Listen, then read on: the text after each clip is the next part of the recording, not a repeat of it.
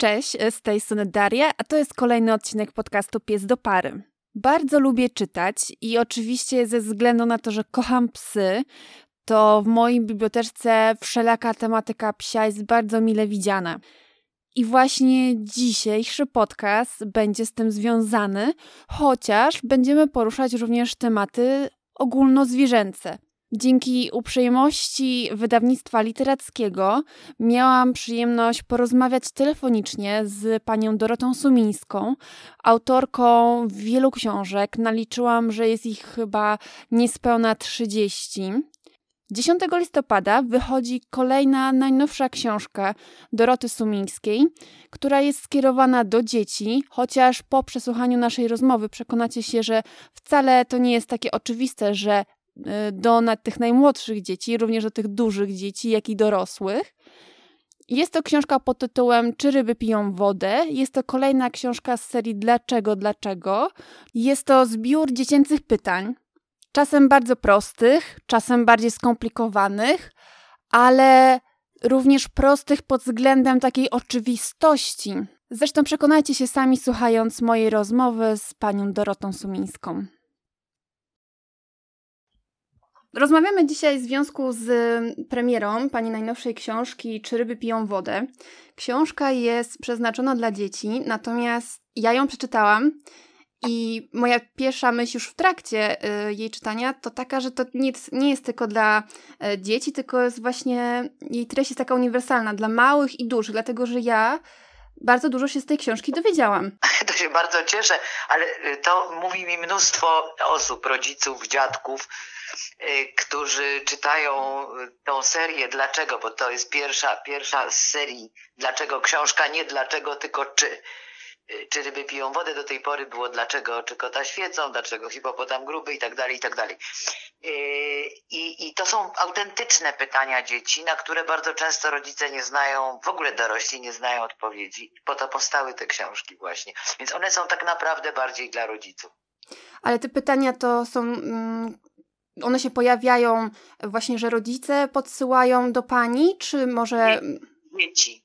Dzieci. Mhm. Ja mam bardzo dużo znajomych, którzy mają dzieci lub wnuki w różnym wieku.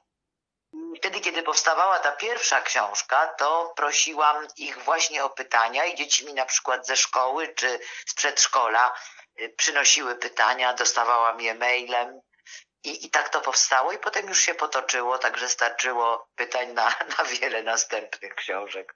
A czy któreś pytanie Panią zaskoczyło? Bo dzieci tak, e, taki bardzo zaskakujący, często prosty sposób patrzą na na nasz świat, na rzeczywistość. To my dorośli często komplikujemy. I ja miałam też okazję nagrywać takie krótkie podcasty z dziećmi w przedszkolu i po prostu to było cudowne doświadczenie, jak prosto można rozumieć pewne rzeczy i e, jak dzieci zadają pytanie. I właśnie, czy Panią też spotkało coś takiego, że zaskoczyło Panią takie pytanie, nie umiała Pani odpowiedzieć na przykład na nie? Oczywiście, że, że niektóre pytania były tak trudne, że musiałam szukać tych odpowiedzi, żeby rzetelnie na, na pytania odpowiedzieć. Natomiast y, zasko nie, nie zaskoczyło mnie to, bo ja wiem, że dzieci y, widzą i obserwują, w ogóle obserwują świat takim, jaki on jest. I my potem to demolujemy, niszczymy, budujemy zupełnie inny świat, nieprawdziwy, y, wtłaczając dzieciom bardzo często nieprawdę, y, w którą zaczynają wierzyć i potem ją propagować. Więc dlatego, dlatego te pytania są no, chyba najprawdziwsze, najlepsze również są nauką dla nas dorosłych, żebyśmy tak czasem po dziecinnemu widzieli świat prosto, bo on nie jest aż tak skomplikowany, jakim my go robimy. Tak, a propos właśnie tych rzeczy, które mm, dorośli uczą dzieci, y, często błędnych, to przy okazji pytania, y, czy można całować psa, właśnie pani obala taki mit na temat czystości psów. Często dzieci słyszą od rodziców, że nie całuj psa, bo, bo jest brudny, bo ma zarazki, a to wcale nie jest prawda. Nie, to nie jest. Jeżeli pobrać by materiał do badań bakteriologicznych z człowieka i z psa, to zdecydowanie człowiek wypadłby dużo, dużo gorzej. Y, zwierzęta naprawdę nie są brudne, jeżeli my nie zmusimy ich do bycia brudnymi, bo takie, takie okoliczności też spotkają naszych, y, spotykają naszych braci mniejszych, mimo że deklarujemy do nich miłość. Y, same z siebie są na pewno dużo bardziej czyste niż my. Bardzo mnie zaciekawił też wątek zjadania kup, to ponieważ takie pytanie się e, pojawia w książce, dlaczego koty i psy zjadają kupy. Mi to, przyznam się, raz zdarzyło, że moja ziutka, gdy była leczona sterydami, to po prostu wpadła wręcz w szał, żeby, nie wiem, tak jakby zobaczyła coś mega pysznego i, nie, i uważałam, że to jest obrzydliwe, a z pani książki właśnie się dowiedziałam, że psy czerpią z tego korzyści. Tak, to znaczy oczywiście to wszystko, gdyby były wilkami i, żyły w naturalnym środowisku, czerpałyby korzyści. Wilkami nie są już od tysięcy lat, nie żyją w naturalnym środowisku, więc y, z tą korzyścią bywa różnie, natomiast trzeba zrozumieć tę potrzebę, która jest czymś zupełnie naturalnym. Dla zwierząt odchody nie są tym, czym są dla ludzi. I jeżeli ma się do czynienia ze zwierzętami, a jeżeli chce się być zdrowym i, i normalnym emocjonalnie, i to, to należy mieć kontakty ze zwierzętami, trzeba to zaakceptować. Nie ma w tym nic oburzającego. To oburza nas. Y, dla zwierząt, y, szczególnie drapieżnych, jest to swoista norma. Tak samo pewnie mm, jeśli chodzi o tarzanie się w różnych zapachach, również odchodach. Też, to też nie jest nic, nic y, nagannego. Dla psa zapach naszych perfum jest odrażający mamy no troszeczkę, troszeczkę inaczej pojmujemy, pojmujemy y, świat y, zmysłów, my i zwierzęta y, i, i tak jak nie powinniśmy perfumować swoimi perfumami psa, tak nie powinniśmy naśladować go w perfumowaniu się. tak, zdecydowanie. Jest tam kilka właśnie w książce mm, takich rzeczy mm, jak przeczytałam odpowiedź, to aż poczułam ulgę. E, taka ulga mi się pojawiła przy pytaniu o łupież, ponieważ właśnie moja ziuta jest czarna i tak jak pani napisała w książce, łupież mają tylko czarne psy. E, tak. I ja się właśnie zawsze stresowałam, e, że idę do weterynarza i ta ziuta nagle ma łupież i miałam takie wyrzuty, no przecież... Bo ona nie lubi chodzić do weterynarza. tak, ja się zawsze tak martwiłam, Boże, przecież o nią tak dbam. Pójdę do tego weterynarza i on pomyśli, że po prostu e, zaniedbuje, nie czyszczy czyszczę, nie dbam o jej higienę.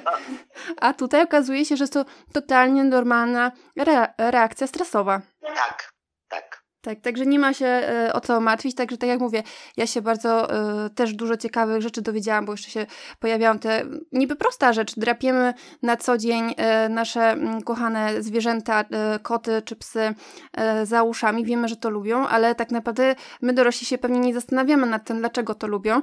I to jest właśnie mm, miłe zaskoczenie, że dzieci za nas zadają te pytanie i my się dzięki temu możemy dowiedzieć takich rzeczy, bo przyjmujemy już jako dorośli świat takim, jakim jest. Nie zastanawiamy się nad takimi e, rzeczami. Ja, ja tutaj panią, jeśli można, poprawię. Mhm. My przyjmujemy świat takim, jakiego nas nauczono jako dorośli. Dzieci widzą ten świat naprawdę i my to potem zmieniamy, bo im tłumaczymy, że dzik jest dziki, dzik jest zły. Yy, to nieprawda. Więc my, my przyjmujemy taki świat, jaki nam przekazano. Niestety. Nie taki, jaki on jest. I przechodzimy nad tym do porządku dziennego. Nie zastanawiamy się, nie szukamy, nie dociekamy. Więc uszanujmy dociekania dziecięce i może czegoś się nauczymy dzięki temu. To teraz tak e, przypomniała mi się Pani wypowiedź. E, przygotowałam się tutaj do naszej rozmowy dzisiaj i słuchałam e, podcastu na temat książki Dość. I tam właśnie Pani mówi, że my właśnie dorośli, tak? Jest nam łatwiej po prostu nie pytać, nie, e, nie dostrzegać pewnych rzeczy, nie poznawać tej trudnej często e, prawdy, również jeśli chodzi o to, jak e, my ludzie traktujemy zwierzęta. Oczywiście, tak jest łatwiej. My chcemy łatwizny. Proszę zobaczyć, że my żyjemy w świecie, gdzie wszystko, co łatwe, przyjmujemy jako dobre, zdrowe, yy, pożądane. A tak wcale nie jest. Już bardzo stare powiedzenie przez ciernie do gwiazd mówi o tym, że jeżeli chcemy coś naprawdę wartościowego osiągnąć, to trzeba się natrudzić. Tymczasem yy, zeszliśmy na łatwiznę i najłatwiej jest nie widzieć, nie słyszeć, nie wiedzieć i robić tak, jak robią wszyscy, bo tak wszyscy robią. A czy oni robią dobrze, czy źle, nad tym się już nie zastanawiamy, ale tak jest łatwiej. Tak, i wtedy jak dziecko zadaje pytanie, a dlaczego tak robimy, to odpowiadamy, nie zadawaj głupich pytań. Albo bo tak trzeba, prawda? Mhm. Bo tak wszyscy robią. Zresztą e, moje ulubione e, pytanie z książki to jest, co mogę zrobić, żeby mój pies był szczęśliwy? To jest moje ulubione pytanie. Bo tak naprawdę my, dorośli, jesteśmy nauczeni tak? Albo tak myślimy, że tak trzeba, tak. że totalnie inaczej chcemy uszczęśliwić tego psa, niż on faktycznie tego potrzebuje. No bo my chcemy mm, z psa zrobić człowieka i to, to jest duży błąd. Tego należy unikać w e, opiece nad zwierzętami, żeby nie robić z nich ludźmi, ludzi, bo ludźmi nie są i dobrze, że nie są. Zdecydowanie, bardzo, e, bardzo dobrze. Też e, nawiązując do innej jeszcze rozmowy, którą przesłuchiwałam sobie, też a propos tego szczęścia, powiedziała pani, że miłość psia jest świetnym probiotykiem. Także oczywiście mamy te zwierzęta blisko, ale żeby właśnie nie traktować ich jak e, drugiego człowieka, jak nasze, nie wiem, zastępstwo za dziecko, tak? I przebieranki, jakieś um, dziwne, dziwne akcje z nimi, bo to są jednak zwierzęta psy. Znaczy, no, dla psa jest to, jest to wielki kłopot. Pies zrobi dla nas wszystko i zgodzi się nawet na sukienkę czy pantofelki, ale to, to dla niego jest swoista tortura, to jest bucik hiszpański. Jest to mu zupełnie niepotrzebne. Więc jeżeli chcemy, żeby nasz pies szczę był szczęśliwy, to pozwólmy mu być psem i nie róbmy z niego człowieka. I wtedy na pewno wszystko będzie dobrze. A proszę mi powiedzieć tak e, jeszcze na koniec, skoro tak ma Pani dużo pytań od tych dzieci, czy szykuje się może w przyszłości jeszcze jakaś kolejna część e, książki? Mm, nie wiem, jeszcze nie wiem, ale bardzo możliwe, dlatego że dzieci i, i znajome dzieci i, i znaj, znajomi dzieci za, zaczynają zadawać pytania, szczególnie wtedy, kiedy jeżdżę, a teraz jest pandemia, więc jest to trudniejsze. Jeździłam na takie spotkania y, książkowe, autorskie dotyczące książek dla dzieci, to tam zaczynała się ta, zaczynała się ta lawina pytań dodatkowych, pozaksiążkowych, no i ona rodziła chęć odpowiadania na następne pytania, a potem po prostu proszę y, różne dzieci czy ich rodziców, żeby żeby, zapisywali ich pytania i, i przesyłali mi. To ja dziękuję bardzo za, za rozmowę, za poświęcenie mi um, chwili swojego um, czasu. Ja dziękuję bardzo. Premiera Pani książki 10 listopada, jeśli dobrze pamiętam. Mam nadzieję, że nie tak. pomyliłam. Tak. Bardzo dziękuję jeszcze raz. Do usłyszenia. Do usłyszenia, dziękuję bardzo.